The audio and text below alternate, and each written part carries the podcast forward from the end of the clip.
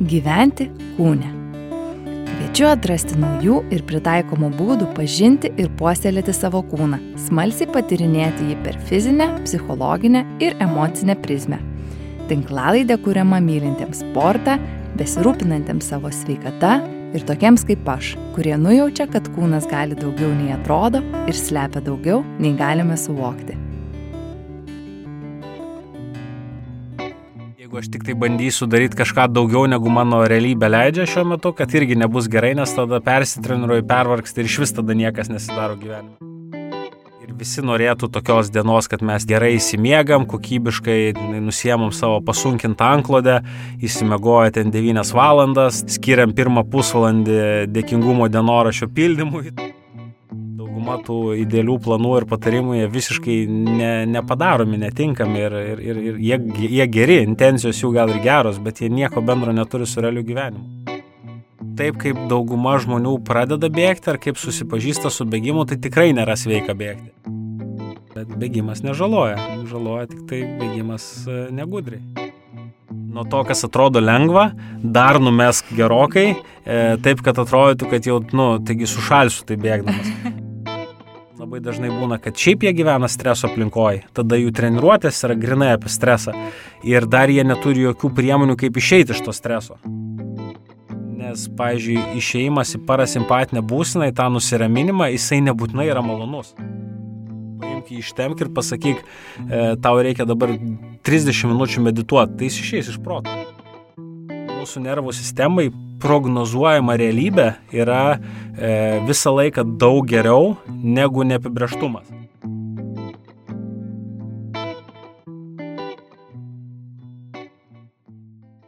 Sveiki klausantieji antrojo tinklalaidės epizodo. Šiandien pakalbėsim tema, kuri pasidaro labai aktuali pavasarį.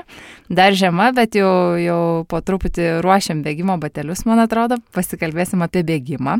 Ir dar paliesim judėjimą antroje širdies zonoje. Tai čia tokia tema, kuri dabar visur linksniuojama, daug kas apie tai kalba, šiek tiek susimasto jau turbūt. Į studiją pasikviečiau Joną Žakaitį. Labas, Jonai. Labas, labas, labą dieną visiems. Labai smagu, kad atėjai, nes tikrai daug žinai apie šitą temą ir norėčiau trumpai tave pristatyti. Jonas yra kinesterapeutas, bėgikas, bėgimo treneris, vienas iš klubo e, Love Streams Running įkūrėjų, taip pat ir Full Gas Academy vaikų ir jaunimo lengvosios atletikos akademijos, vienas iš iniciatorių, treneris. Žinau, kad ir pats turi tinklalaidą ir jūsų klubas kuria lygiai taip pat taip. turinį, tai tau tikrai nebus nauja prie to mikrofono pasėdėti. Taip, taip dabar kai išvardinai visus tos darbus ir pareigas, tai net pavargau vien klausyti klausydamas, bet nu, tikiuosi, kad kažką pasakysiu e, naudingo.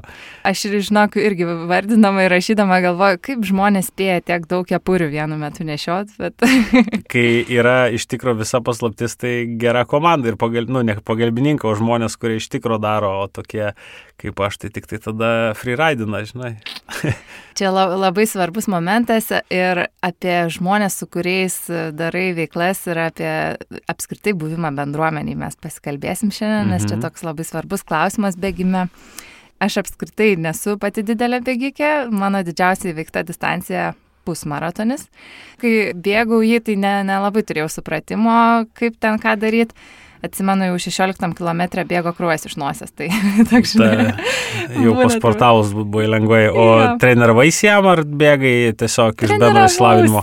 Treniravausi, bet e, tuo metu mano vienintelės žinios tai buvo parsisiųsti appsą ir, ir ten, žinai, pagal tas visas e, rekomendacijas, kiek bėgti per savaitę, bėgioti. Greitai, lietai čia jau nesupratau šitų dalykų, nežinojau, kuo tai skiriasi. Tiesiog bėgti sunku, bet bėgi, nes turi tikslą. Tai nu, taip, klasika. Čia ir pradžiai dažnai suveikia, nu vis tiek įveikiai, ką norėjai padaryti. Tai taip, bet. Kraujas iš nosies ar ne, bet, bet nubėgai. Taip, tai čia dar toks gal savo e, ypatingai įsivardinimas, kad net, žinai, tokiam aplinkybėm galima, bet e, dabar jau suprantu, kad galima daug maloniau bėgioti ir tas taip. bėgimas daug daugiau naudos gali teikti.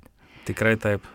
Man atrodo, kad daugam iš šalies įdomu visą laiką pamatyti, kaip atrodo trenerio rutina, kaip bėgiko rutina atrodo, tai kaip atrodo tavo sporto savaitė. Vat jau šiandien susitikom, sakiau, 18 kg prabėgta. Taip. Tai papasako, kiek per savaitę nubėgi, kiek apskritai galbūt ir kažkokio kito tipo treniruočių turi, kad žmonės galėtų tokį žvilgsnį užmesti. Nu, tai čia turbūt reikėtų uh, vis tiek, nes, nes taip gal skamba, bet, uh, gal kai kam, aš įsivaizduoju, taip įspūdingai arba net uh, gazinančiai, kad čia VPM iš šito nubėgo 18 kg ir taip uh, didžiąją dalį laiko, tai Taip, dabar, dabar mano režimas yra visai kitoks. Nu, tai jo, kontekstas, kad aš jau tą darau virš 10 metų, praktiškai nuolatos kasdien bėgioju jau virš 10 metų, tai tas stažas jau toks tikrai nemažas ir, ir praėjau gyvenime visokius epizodus nuo to, kai tikrai treniruodavausi jau nu, semi-profesionaliai, beveik profesionaliai, bėgiodavau didžiulius atstumus, dalyvaudavau varžybose, ultramaratonuose, ten ir,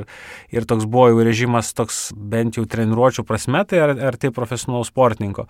Tai dabar yra labai labai viskas skirtingai mano gyvenime, nes vat, ir auginu Miką, dviejų su pusės metų bernioką, ir, ir tų visai darbų nemažai turiu, ir, ir sportininkus treniruoju rytais ir vakarais. Tai žodžiu, ir, ir pacientus priminėjau, tai jau man toksai kažkokia tokį rimtesnį treniruočio režimą e, dabar kaip ir neina kalba, nu yra daugiau toks išgyvenimo režimas. Tai aš e, dabar pas, per paskutinius vat, kelis metus labai taip ieškojau savo, labai taip ūkiškai to tokio fizinio krūvio, kuris man būtų ir pakankamas, kad aš jausčiaus, kad sportuoju, kad aš jaučiu, kad mano kūnas yra tokiam fitnese, kuris man e, pačiam patinka, nu, nes man turbūt kaip ir daug kas, kas jau yra ilgai sportavęs ištvermės sportus, tai labiausiai nemėgsta to jausmo, kai tu esi labai nefit negalėjimo atlikti kažko gyvenime jausmas yra labai nemalonus. Tai aš žinau tą savo tokią vat, e, plintusą žemiau, kurio nenoriu krist, bet tuo tarpu ir žinau, kad uh, kad jeigu aš tik tai bandysiu daryti kažką daugiau negu mano realybė leidžia šiuo metu, kad irgi nebus gerai, nes tada persitreniruoju, pervargsti ir iš vis tada niekas nesidaro gyvenime. Nu tai va, tai čia ilgas intro, tai dabar toksai e, supratau, kad man e, geriausiai veikia, kai aš bėgu šiek tiek daugiau, tai taip, taip sakant, stengiuosi surinkti vat, per savaitę bent 100, bet dažnai 110-120 km, kas nėra taip jau mažai, kaip, kaip, kaip nu, dirbančiam ir, ir, ir, ir, šitą, ir dar tėčių jaunam ir taip toliau, bet aš nedarau jokių treniruočių.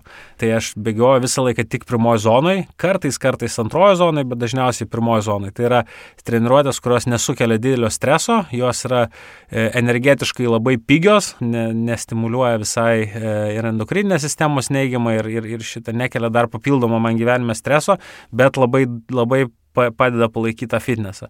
Ir vieną kartą stengiuosi jau irgi būtinai, būtinai, čia vat, su komanda mes turim labai gražią tradiciją, visi treneriai e, ir, ir visi sportininkai penktadieniais susitinkam uh, blockboxing džime su, su puikiu mūsų atletinio rengimo treneriu Domantu, padarom visi kartu vieną bendro fizinio treniruotę.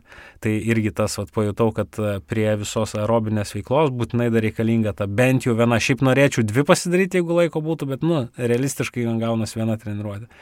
Tai va tokia ir savaitė. Mhm. Daug, daug pirmos zonos, viena jėgos treniruotė ir stengiuosi tiesiog palaikyti reguliarumą.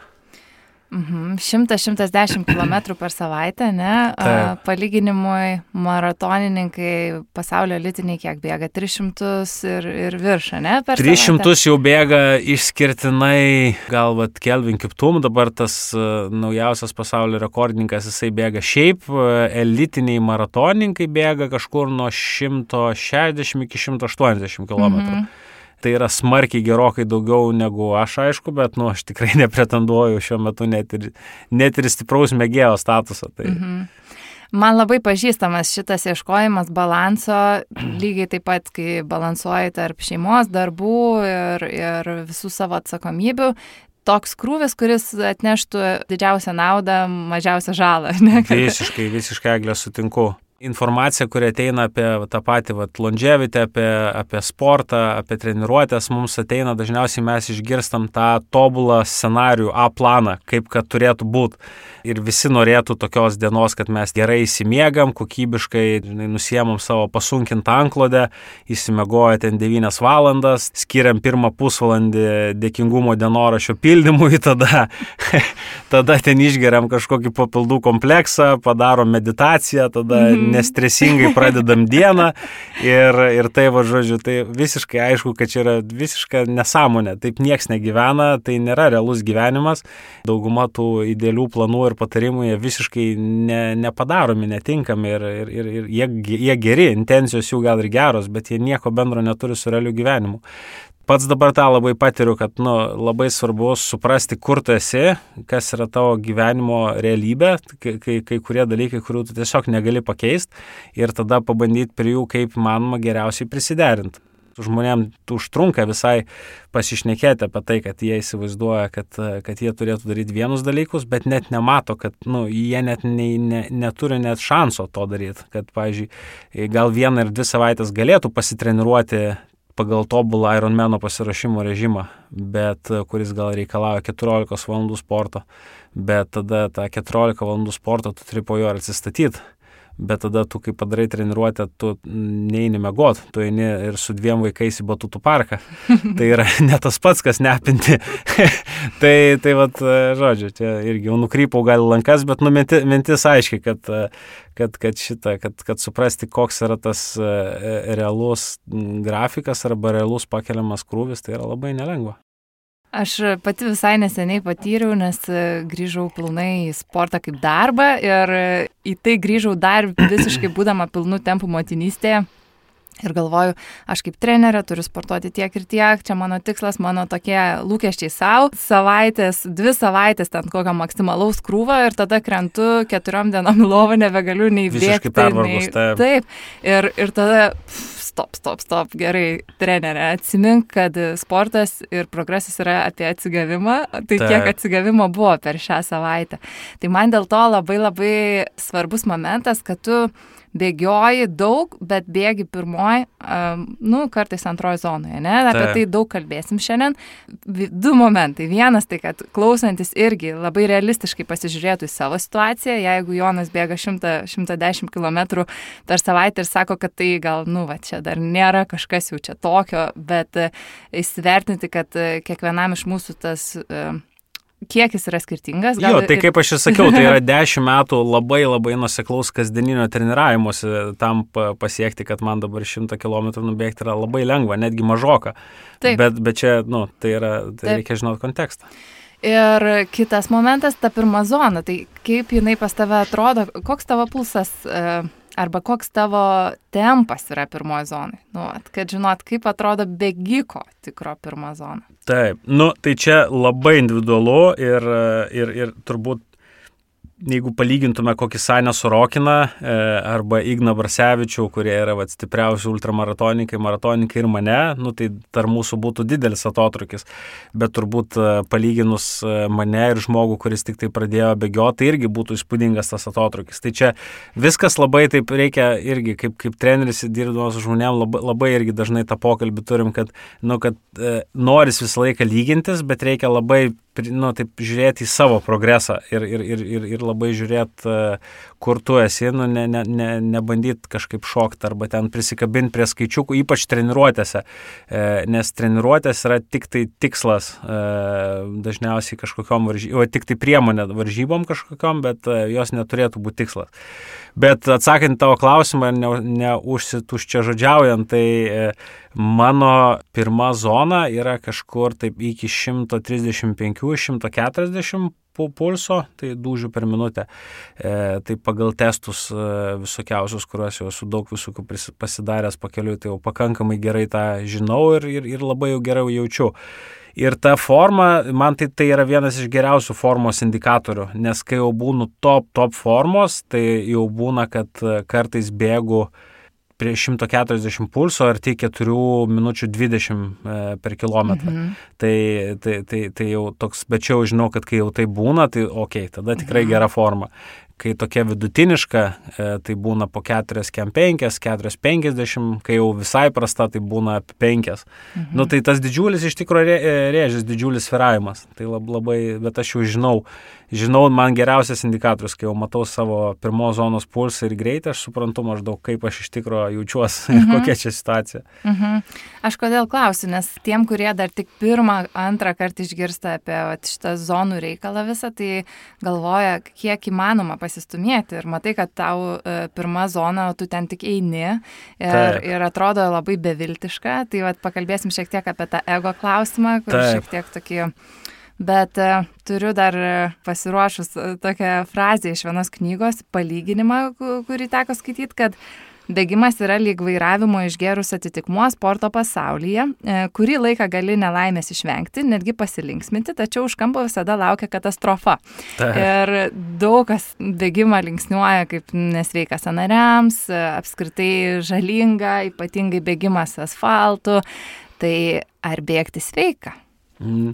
E, jo, tai čia geras klausimas ir, ir, ir e, manau, kad taip kaip dauguma žmonių pradeda bėgti ar kaip susipažįsta su bėgimu, tai tikrai nėra sveika bėgti. Nes tai yra tikrai intensyvus sportas, tai yra nu, nuolatinis šoliavimas nuo kojos ant kojos, kad ir nedidelio, e, nedidelės atotrankos, bet tai vis dėlto nu, kur kas potencialiai traumingesnis sportas negu važiuoti dviračiu ar, ar kažką ten, nežinau, lipti sienom su juo bėgant, jeigu tu bėgi bet kaip ir ne, neišmanai visai tų bazinių principų treniruočių, kas, nu, daugumai žmonių, kurie nespecialistai, tai kodėl jie turėtų išmanyti, natūralu, kad neišmano.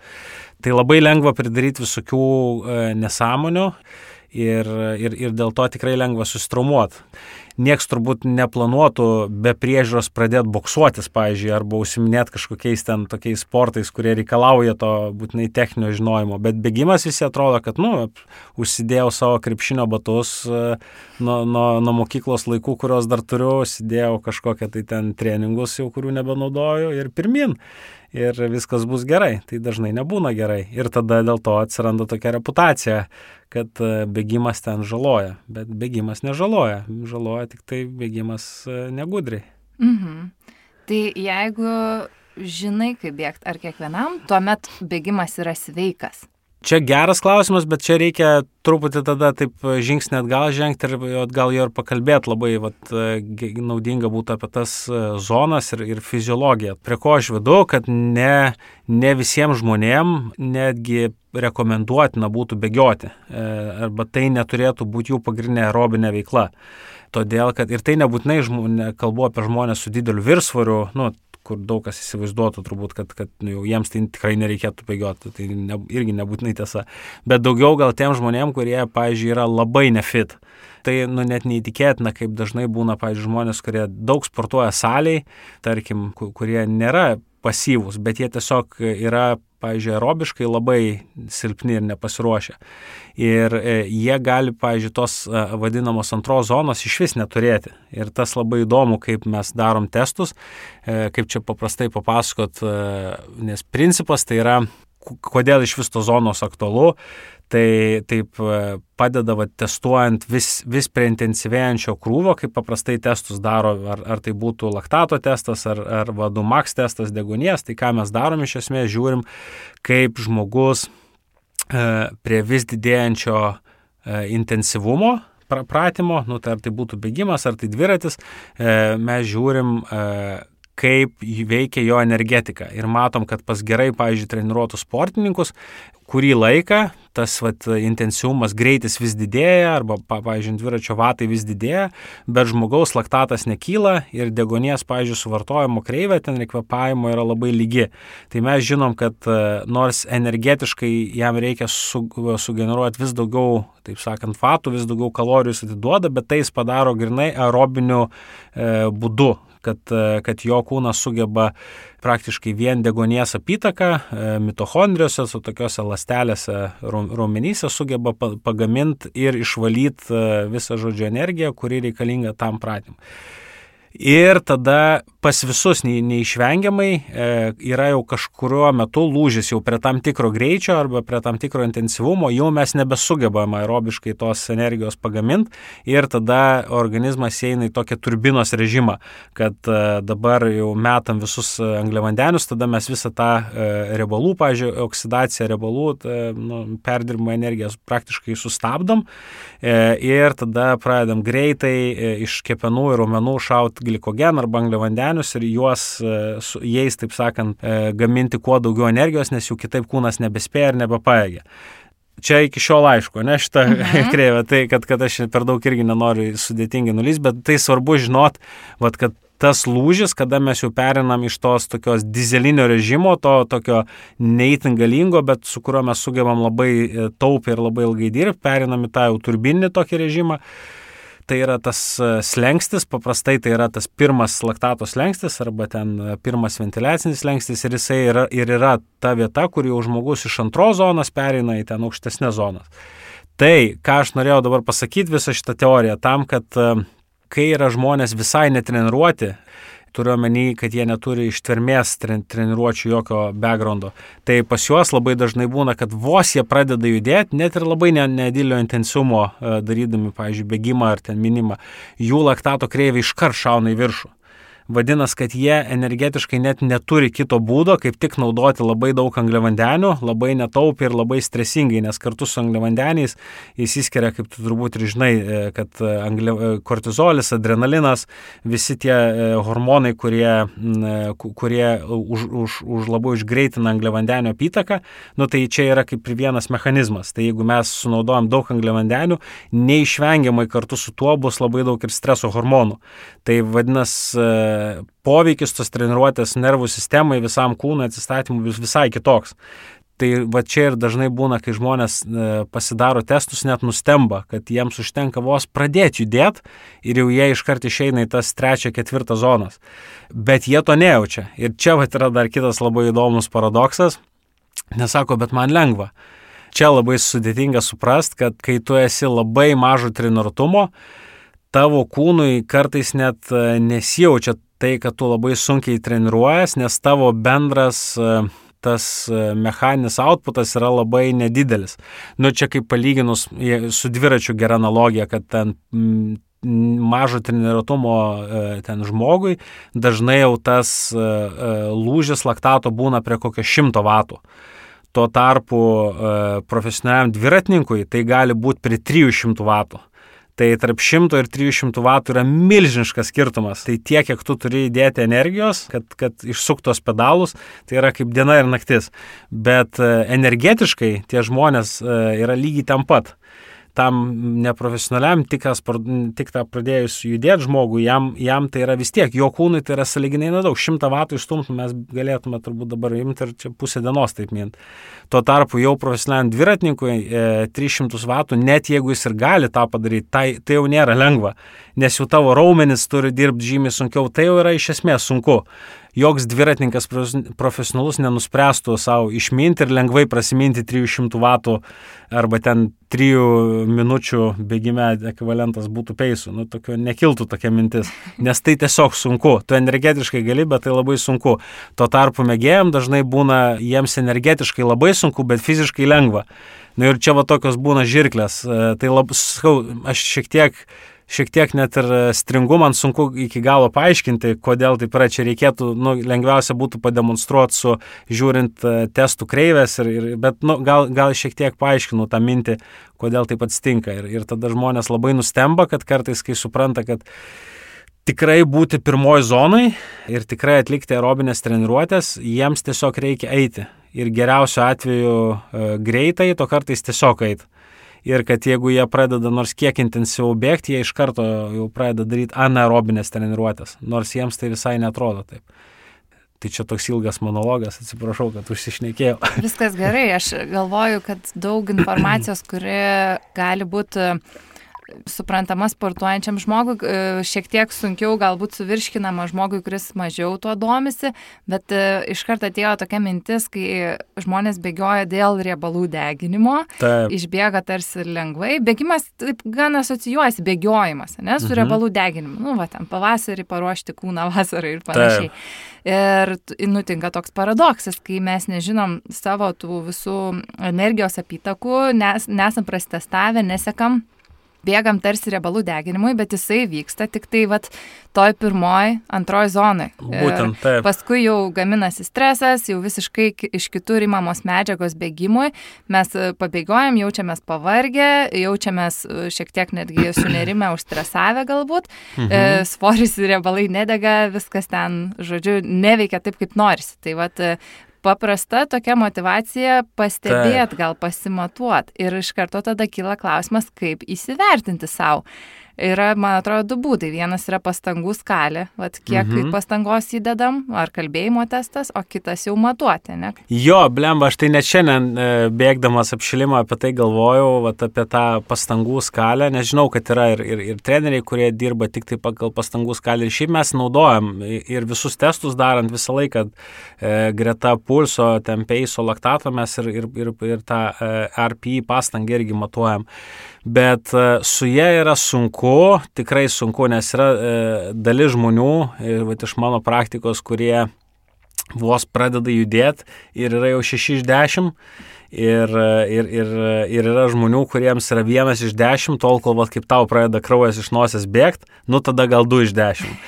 Bet, bet jie, jie ne, ne, neturi to tokio jausmo. Tai o kas tas, ta pastangų skalė, trumpai papasakokit. Taip, tai pastangų skalė sporto moksle ir sporte tai yra pats įprasčiausias įrankis, tai yra borgo skalė, tai dažniausiai būna arba 20 skaliai, kur yra 20 jau super sunku ir vienas labai lengva, arba nu, mes naudojam E, tai nuo 1 iki 10, kurių 10 tai va kraujas iš nosies, vienas tai labai labai lengva. Nu, ir, ir tiesiog tada tiesiog žmogus pagal tai įsivertina m, savo pastangą ir grupiniam lygmenį tą reikia pasakyti, nes ir tyrimai rodo, kad grupiniam lygmenį tai yra tie, va, tos pastangos yra pakankamai e, tikslios ir sutampa su tais lenkščiais.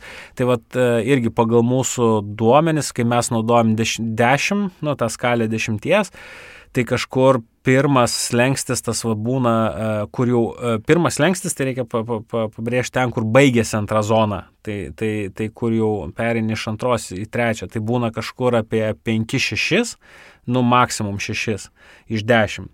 E, tada, e, tada antras lengstis ten būna, tai yra kur baigęs trečia zona, būna paprastai po 7-8, nu ir ten jau daugiau, tai jau būna ketvirta, penkta zona. E, pirma zona dažniausiai būna maksimum 3-4 iš 10. Tai, tai va šituos skaičius žinantis žmogus jau gali šiek tiek pradėti kalibruotis. Bet sakau, e, grupiniam lygmenį tai yra visai e, adekvatu, pasiteisina, bet visą laiką bus tie žmonės, kurie yra išimtis iš, e, iš taisyklės, kurie arba labai save pasaugos, arba visiškai galvos, kad čia keurai sienas galima vaikščioti ir iš vis tos borgo skalės net neverta daugiau negu trijų iš vis niekam duoti. Mhm. O kaip tada yra su kalbėjimo testu, kad e, paprastai įsivertint, kiek... Lygiai tas, pats, lygiai tas pats dalykas, kad uh, yra dalis žmonių, kurie, uh, kaip, pažiūrėjau, aš esu geras, blogas pavyzdys, uh, aš galiu pakankamai lengvai, pilnai sakiniais kalbėti, būdamas jau ketvirtojo zonoje mhm. ir darydamas labai sunkia treniruotė. Ir yra kitų žmonių, kurie sunkiai kvepuoja ir sunkiai kalba net ir lengvai bėgdami, bet, mhm. bet gali labai labai pagreitėti. Tai irgi čia nėra kažkoks garantuotas atsakymas, bet bendrai paėmus, e, jeigu mes norim pataikyti pirmą ar antrą zoną, tai tikrai turi būti tokia pastanga, ypač pirmoji zonai, kad mes galėtume tą pratimą daryti, pavyzdžiui, darydami arba bėgdami e, pliurpti telefonu. Mhm. Taip ne tik, kad pilnai sakiniais, bet tiesiog pliurpti. Mhm. Tai vad mes su sportininkais, kai, kai išbėgame, bėgiam ir darom apšilimą, kur jau tikrai pirmoji zonai, tai mes plepam. Mhm. Nu, tikrai girdis iš toli, kad, kad bėgam ir plepam. Tai jau tada tikrai žinom, kad esam pirmoji zonai. Jeigu jau, e, jeigu jau taip šaudaisi tik sakiniais, tai po vieną kitą jau, bet jau nenori plėstis į atsakymus, tai jau tikrai nesi pirmoji zonai. Mhm. Tai šiek tiek tai padeda orientuotis, e, kai, kai nėra nieko geresnio, tai va tai, ką įvarnau, gali, gali, gali šiek tiek atsiremti tai, bet, bet tai tikrai nebus taip tikslu, kaip, kaip kad testai padarytų, parodytų. Mm, Testai tikrai tiksliausias būdas, bet dar galima naudoti išmanų į laikrodį, ne? Mhm. Ir aš kiek žinau, koks garminas ganėtinai tiksliai matuoja. Irgi daliai pataiko, daliai labai nepataiko. Aha. Tai, tai vat su garminu, pažiūrėjau, tai nė, nėra taip, kad labai siūlyčiau pasitikėti. Mhm. Gal net sakyčiau, jeigu reiktų rinktis tarp e, RPI, e, to vat e, pastangos skalės ir, ir garmino, tai aš rinkčiau geriau pastangos skalę. Mhm. Supratau, tai čia tiesiog galvoju, pačioj pradžioje nepaminėjom, bet tos zonos yra penkios, jos e, yra matuojamos e, vat, ir išmaniuosiuose laikrodžiuose, ir, ir kraujo Taip. testuose, krūvio metu ir panašiai, bet, e, nu taip, pirmam pasibandymui tai tikrai galima Mhm. pasižiūrėti tą laikrodį, bent jau suvokt, kur ten, kaip kas skiriasi galbūt. Galima, galima. Nu, ten jo, smarkiai. E, Neprisirišt. sm- Smarkiai neprisiriš, bet jo, tiesiog e, e, manau, kad, nu, jeigu taip e, pradedant, e, jeigu taip, nu, žmogus, atsakykime, nu, norėtume duoti kažkokį gerą, e, bičiulišką patarimą žmogui, kuris tik tai pradeda e, bėgioti, tai, e, tai visi bėgimai turėtų būti tokie net per lengvi, kad, Mhm. mhm. nes ne- čia beveik vienareikšmiškai, nes visą laiką nebuvo turbūt, nu, gal vieną kokį atvejį sugalvočiau, bet iš, iš tikrai jau dabar, nu, gerokai virš šimto jau žmonių, su kuriais teko dirbti taip ilgesnį laiką, tai e, beveik nebūna taip, kad sakyčiau, tau reikia greičiau bėgti lengvus bėgimus. Mhm. Tai, ne, visą laiką reikia stabdyti. Mhm. E, tai, tai aš drąsiai jau galiu tikrai drąsiai sakyti, kad nuo to, kas atrodo lengva, dar numesk gerokai, e, taip, kad atrodytų, kad jau, nu, taigi sušalsiu tai bėgdamas. tai tai va ten ir bus ta pirma zona. Mhm. Tai, tai tikrai geriau visą laiką, jeigu neaišku, visą laiką geriau rinktis e, lėtesnį variantą. Va čia irgi e, svarbu pasakyti, todėl kad e, jeigu net ir testuose labai gražiai matosi, kad Tarkim, kai žiūrim degonės apytakos ten testus ir matom tą riebalų oksidacijos kreivę, tai e, jinai taip užkyla gana greitai iki maksimo. Tada tas maksimus laikos, nu, vat, kur ir yra, kur antra zona baigės, dažnai su antra zona e, ten yra tas labai staigus kritimas, kai mes, vat, kaip ir pasako, kur mes nustojam e, oksiduoti riebalus ir labai šauna angliavandenių su- sunaudojimas ir laktatas dėl to. Tai, tai ta, ta vat, riebalų oksidacijos kreivė atrodo toksai kaip didelis dramblys, toksai, e, jisai toksai, tokia didelė nugara ir po to staigus kritimas. Tai jeigu mes būsim jos ten odegoj, mes iš esmės gausim labai panašią naudą ir fiziologiškai tai bus labai panašios adaptacijos, negu kad, bū, jeigu kad būtume prie pat jau zonos antros pabaigos. Tai ką aš noriu pasakyti, kad žymiai labiau apsimoka geriau klysti tą e, mažesnę pusę, nes mes vis tiek būsim fiziologiškai e, toj maksimalioje riebalų oksidacijos zonoje, negu kad truputį per greit ir tada mes visiškai pereisim į kitą režimą, nes tas, tas pokytis jau kaip pasiekis lengst yra labai radikalus ir greitas ir iš esmės kita energetika. Tai, tai va, tai dėl to geriau visą laiką rinktis ramesnį variantą. Aš taip susivokiu, ką tik, kad mes e, perėjom, vat, kad reiktų toj pirmojo antrojo zonoje bėgioti, bet nepakalbėjom, kodėl, e, Taip. ką duoda. Ir gal galim taip gan būtiškai, žinai, kad Taip. sus- susivokti, e, kuo čia ypatinga ta pirma antra zona. Tai kaip aš jau truputį užsiminiau apie tai, kad tai yra, e, tai yra tokios kaip e, zonos, kur, e, kur organizmas gal labiausiai adaptuojas prie efektyvaus, nu, energetiškai būti efektyvus, iš to ir atsiranda ištvermė. Tai pagrindinės tokios adaptacijos yra, kad raumenyse, dirbančios raumenyse atsiranda labai daug mitochondrijų. Tai mitochondrijos yra tos lastelės, e, kurios dabar vat, apie jas ir longevity pasaulyje visur labai daug kalbama, bei ir pelnytai. Tai yra labai įdomios tokios bakterinės kilmės lastelės, kurios ir yra ta, ta galutinė tokia vieta, kur, kur, kur e, pagaminama ATP arba ta energija, kurią raumuo e, susitraukimui panaudoja ir ten, ir ten vyksta vyksta ta apytaka, kur mes paimam, paimam arba rebesios rūgštis, arba angliavandenius, arba net laktatą ir jį konvertuojam į ATP. Tai tai vyksta mitochondrijose. Žodžiu, paprastai tariant, kuo mes jų turim daugiau kūne, tuo yra geriau tai visapusiškai, nes tada visos tos mitochondrijos jos dirba nuolatos. Jos yra tas, tas, tas mūsų e, juodadarbės tokios, dėl to jos ir vadina kaip power plant of a cell, kad kaip, e, kaip lastelių fabrikai. Tai, tai mums jų reikia kuo didesnio tinklo ir kuo daugiau. Ir tai jau moksle tikrai įrodyta, kad e, būtent e, e, būtent žemų intensyvumo treniruotės ištvermės didina mitochondrijų kiekį E, tai gal, po to dar yra kiti parametrai, jų galingumas, ten e, kvepavimo galimybės, tai tuos dalykus gali įtakoti ir aukšto intensyvumo treniruotėm. Bet e, aukšto intensyvumo treniruotės nepadeda didinti jų kiekio, kas labai svarbu. Tai būtent pirma ir antra zona yra va, ta vieta, kur mitochondrijos E, dar susitvarko su, e, taip energetiškai susitvarko su energijos poreikiais ir, ir jos e, gauna labai gerą stimulą vis, vis, vis jų dauginti, nes nu, jo, jų tą tinklą. Tai čia yra pagrindinė tokia nu, jų raumenį nauda. Nu ir aišku, tada atsiranda visa, e, visa, visa, kitų, e, vis, visa kaskada kitų dalykų. Tai, kad mes sugebam būtent neperėti prie vis didesnio fizinio apkrovimo, mes sugebam neperėti tą stresinį atsaką. Nes kai mitochondrijos veikia be, be to oksidacinio streso, kuris jau po to e, jau kaip čia per daug giliai biochemija, kad nelys, bet kaip ir papasakau, kai jau mes pradedam naudoti jau daugiausia angliavandenius kaip kūrą, tai e, neišvengiamai e, susiję ir su endokriniais pokyčiais, nes vat, kaip ir e, įdomi yra ten tokius e, tyrimai, kurie rodo, kad laktato kreivė praktiškai atkartoja kortizolio ir adrenalino kreivę.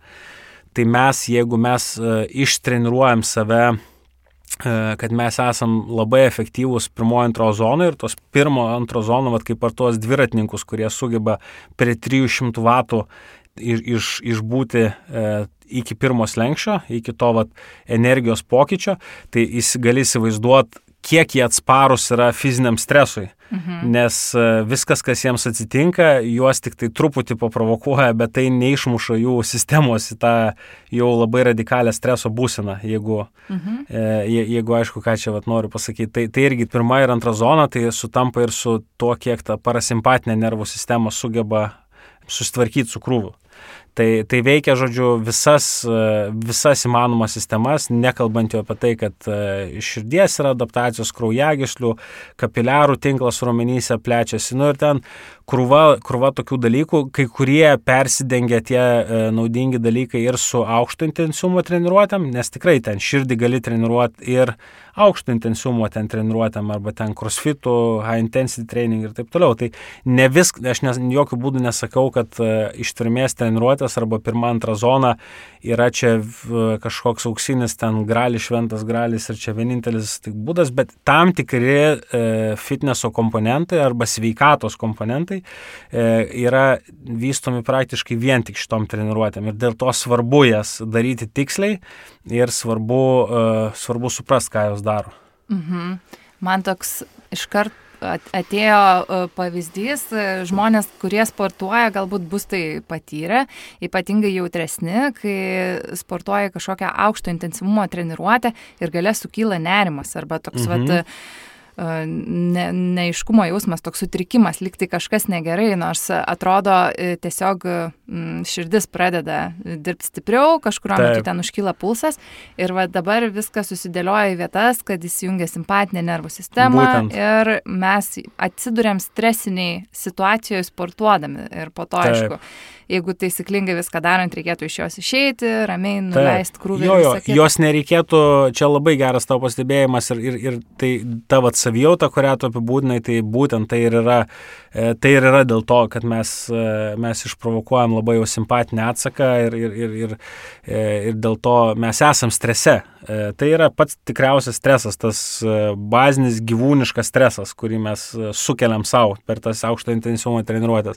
Ir tai nereiškia, kad tai yra blogai blogai.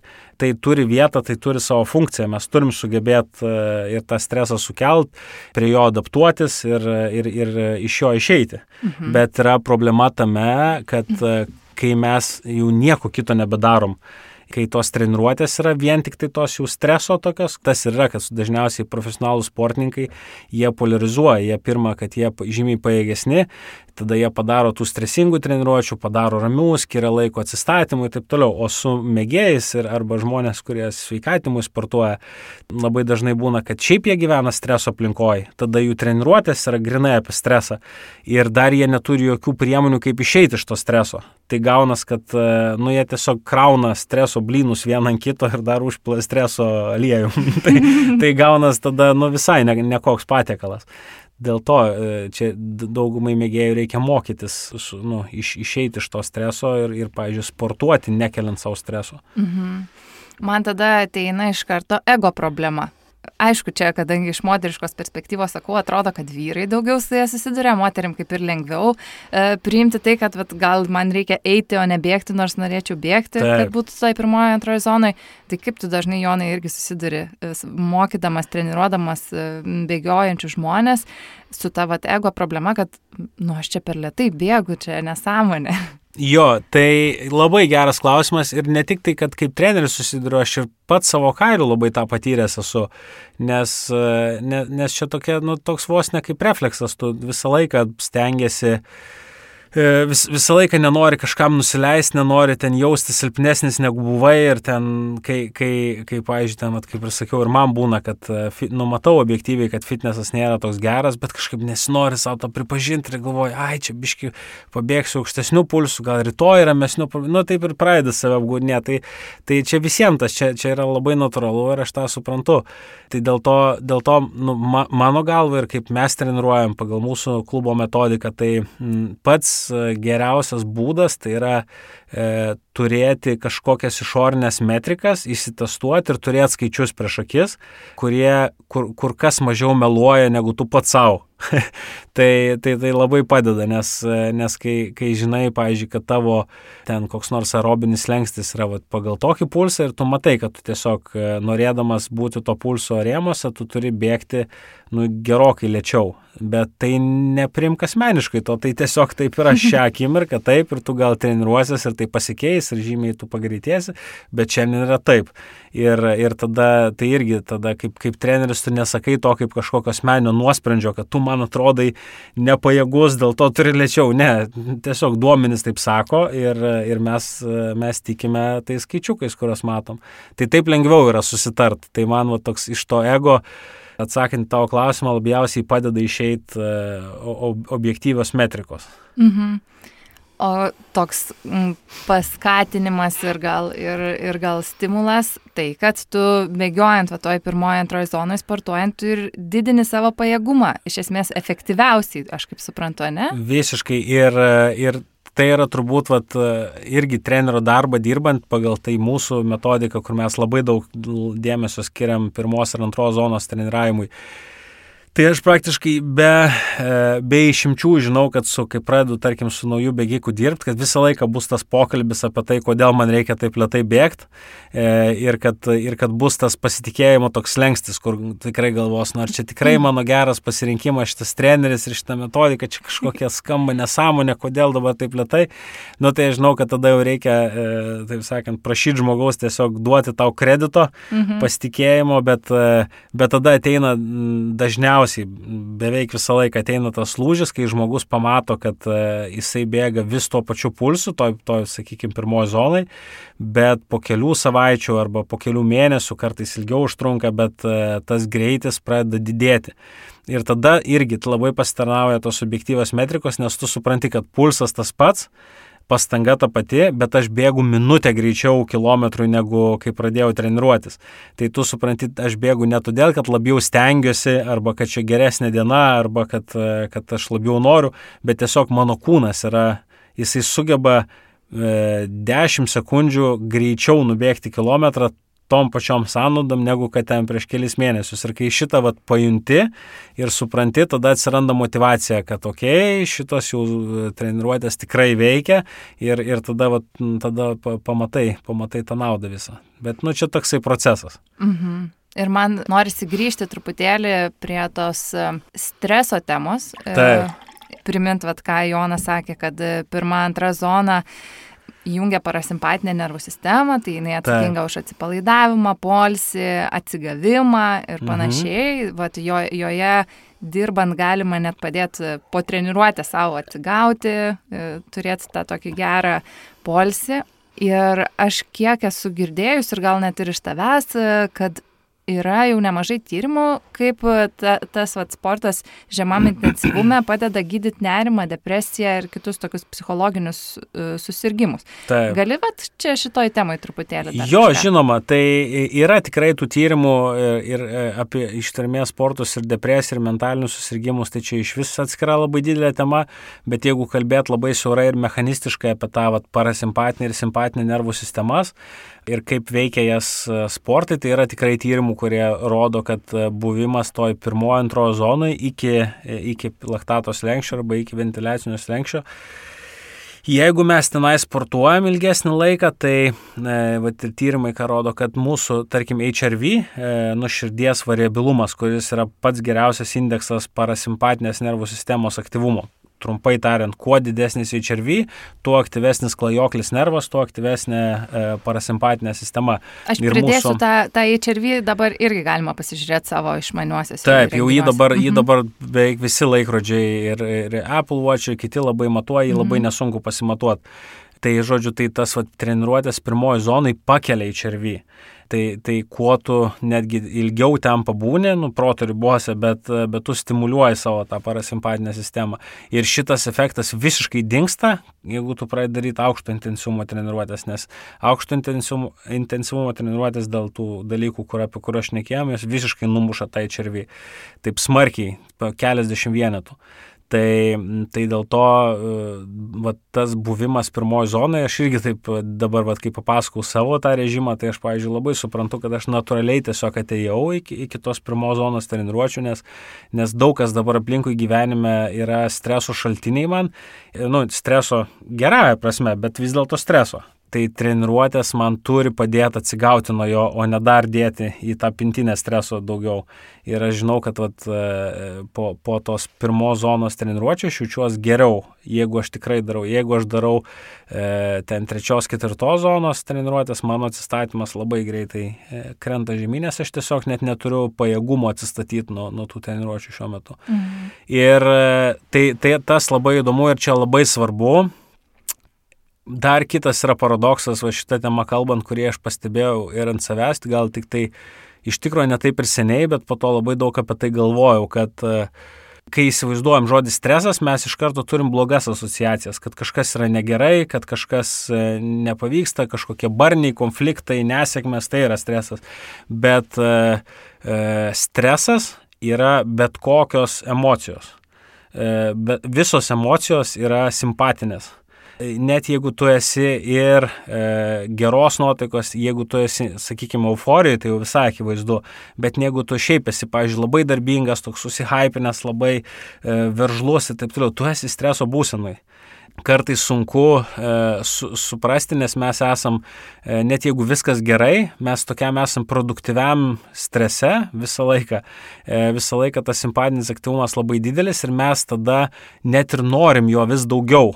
E, ir matosi, pavyzdžiui, turbūt, vat, kaip treneriai pastebėjai, kad tam tikro tipo žmonės, e, kurie yra, tarkim, tokie A tipas, kurie visur nori visko siekti, labai aktyvus ir jie ir treniruotis taip pat nori. Jie tikrai nebus tie žmonės, kurie norės tempimo pratimų arba kvepavimų, jie nori, nu, nu raunam čia, bėgam, šokam, high intensity ir, ir reikia daryti tai.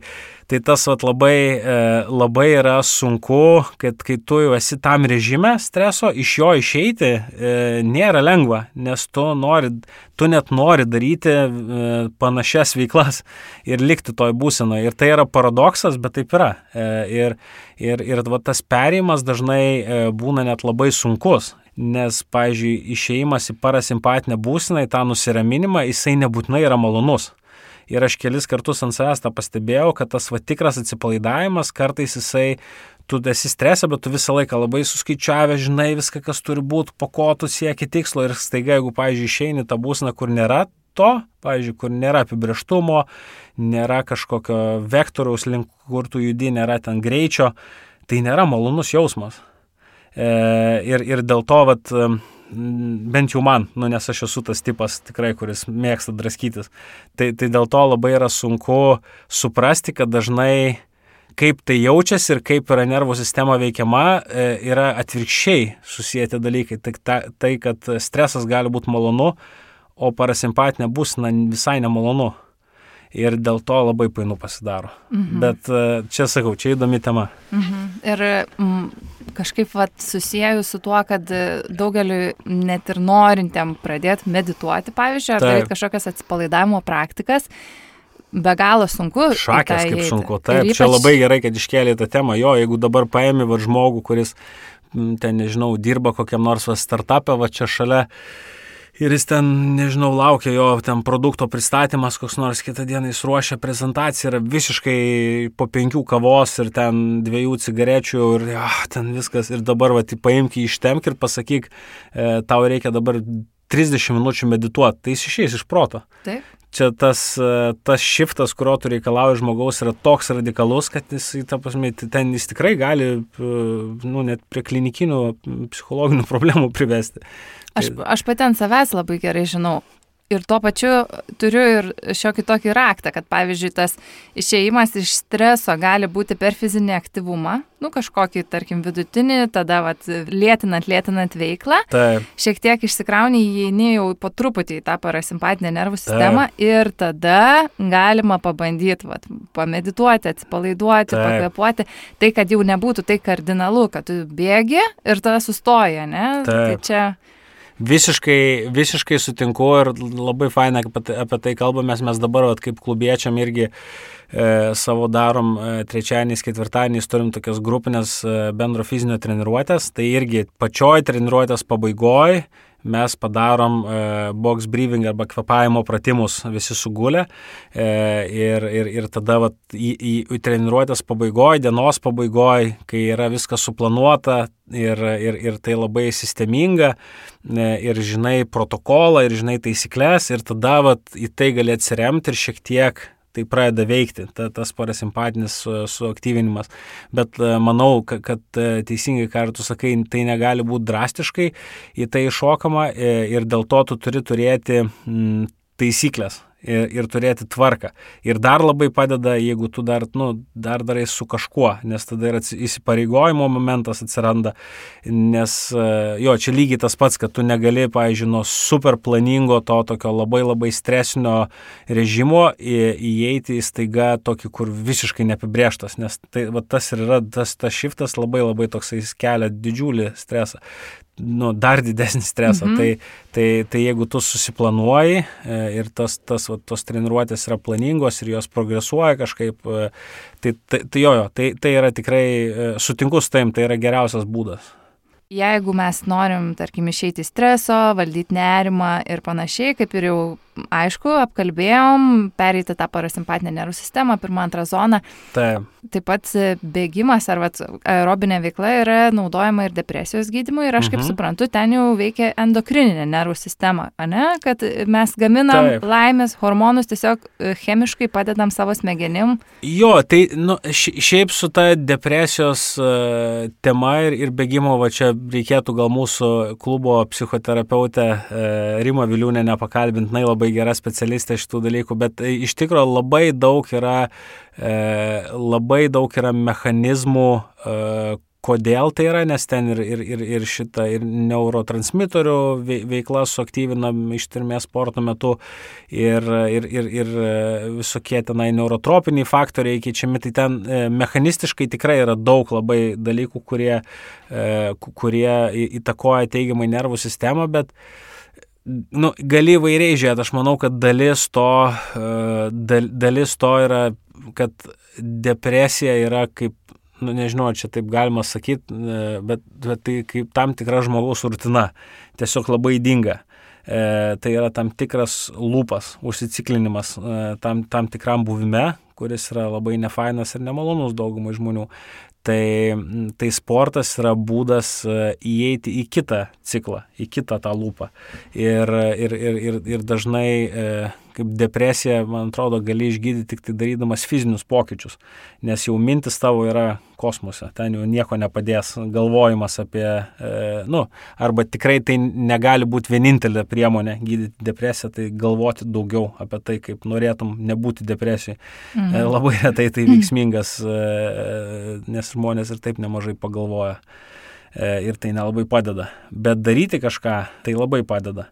Ir, ir tas vat, labai paprastas, labai konkretus veiksmas, e, kurį tu gali planingai daryti ir tiesiog mechaniškai ištemti save. Mhm. Mm, ir, ir taip, man atrodo, tai yra mechanizmas, dėl ko labai nemažai žmonių, aš ir kaip treneris jau esu sutikęs, kurie ir, ir iš depresijų išlipa, ir iš kitokių visokių e, psichologinių problemų, iš adikcijų, E, visokių priklausomybių būtent prieš, per, e, per sportą. Tai dėl to, kad na, jie pakeičia vieną kilpą elgesio, kita kilpa, tik tai, kas mhm. žymiai geresnė. Mhm. Tai, bet iš, iš esmės jos veikia labai panašiai. Mhm.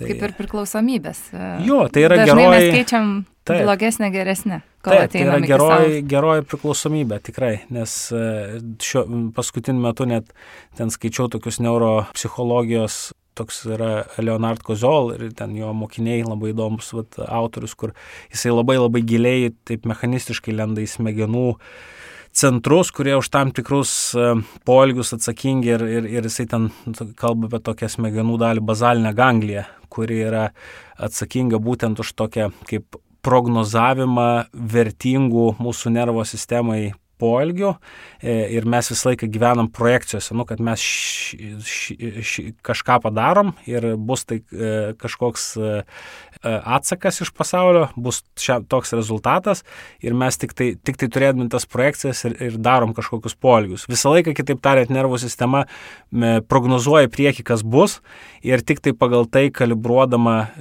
ir lygindama savo projekcijas to, kas bus, su to, kas iš tikrųjų atsitiko, mes taip vat mokinamės ir taip stumimės prie gyvenimą. Tai pagrindinis tas vat, projekcijų šaltinis yra bazalinė ganglija.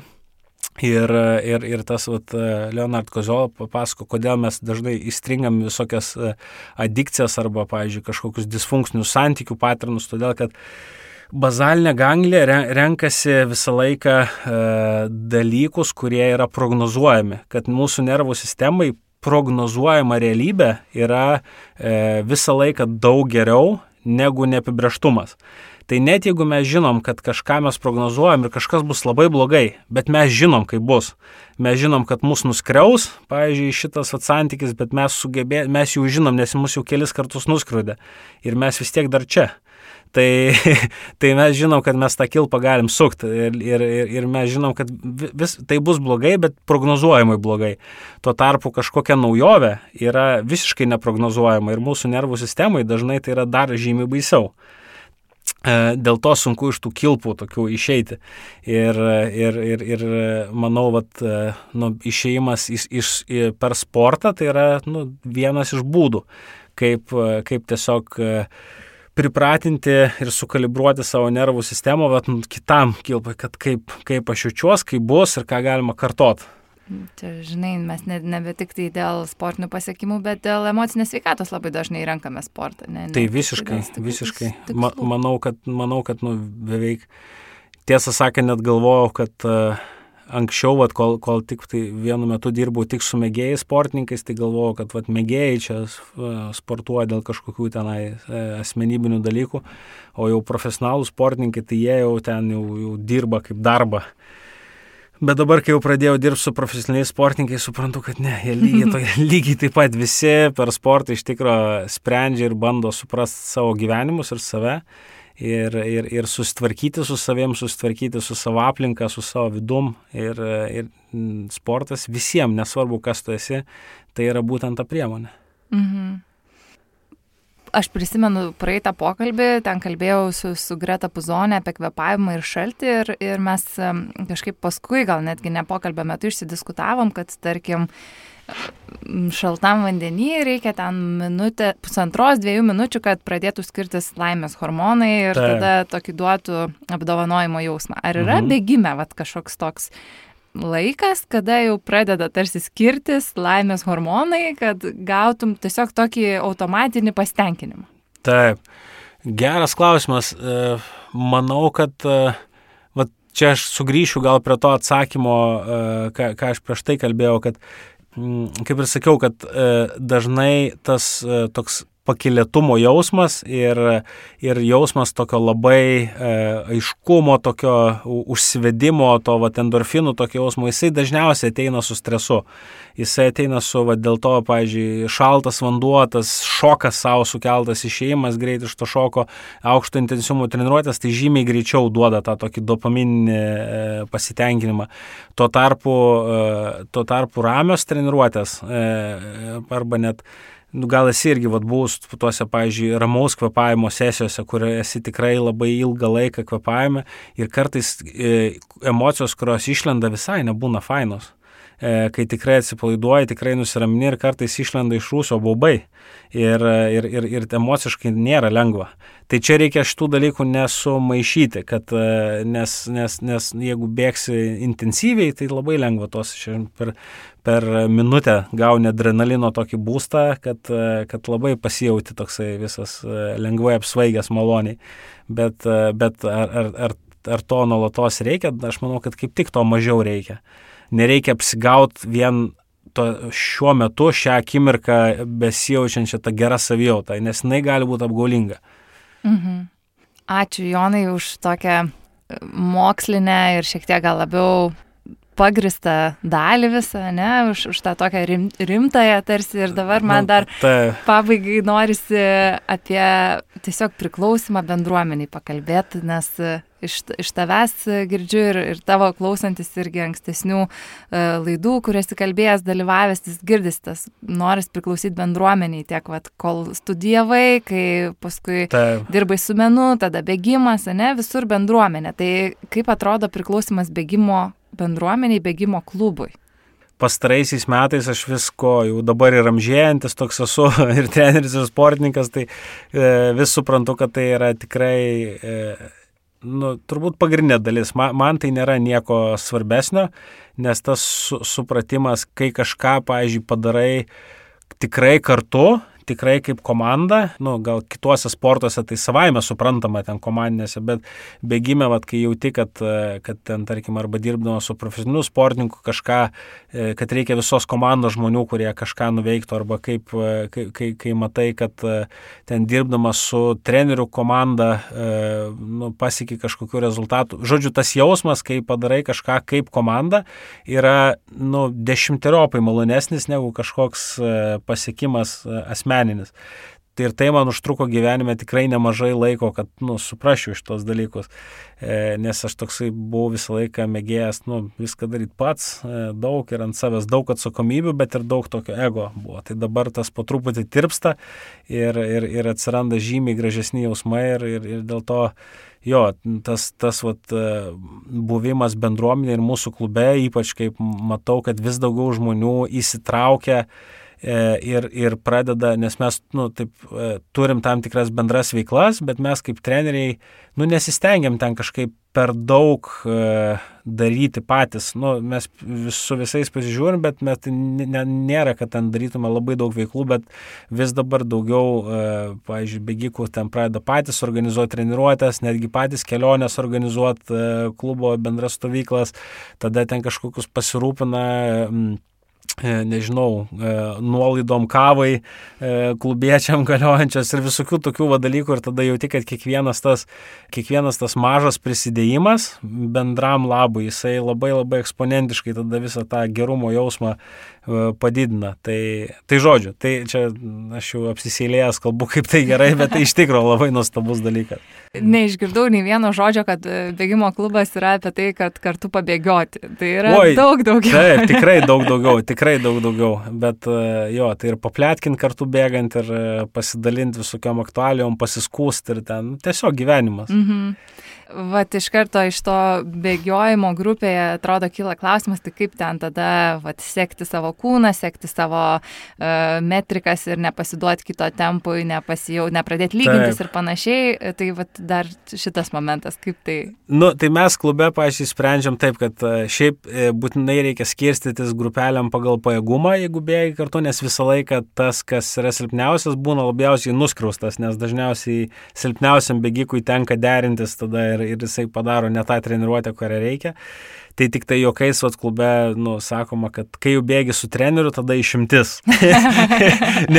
Nes tada jau treneris šalia, tai net jeigu tu nusižengi savo pulso zonom ir bėgi ne to zonų, bet treneris šalia, tai, tai, tai šitą, tai čia kaip yra indulgencija iš karto išpirkimas. Tai, tai, bet šiaip, jo, šiaip tai reiktų e, visą laiką, kai, kai, kai jau sportuoji su stipresniais, tai reikia labai atsargiai arba paprašyti, kad žmogus tikrai derintųsi prie tavęs, e, arba jeigu nu, negali prisiderinti prie tavęs stipresni, tai tada geriau susirast e, savo pajėgumo. Bet tikrai ne, dažniausiai ne, nepaina tie, jeigu, jeigu bando silpnesnis laikyti stipresnio, tai silpnesniam ne, neįnauda.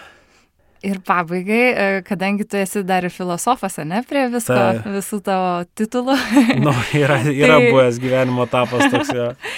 E, filosofinis toks klausimas, e, tiesiog pagal mūsų pavadinimą šitos tinklalaidės, tai ką tau pačiam Jonai reiškia gyventi kūne?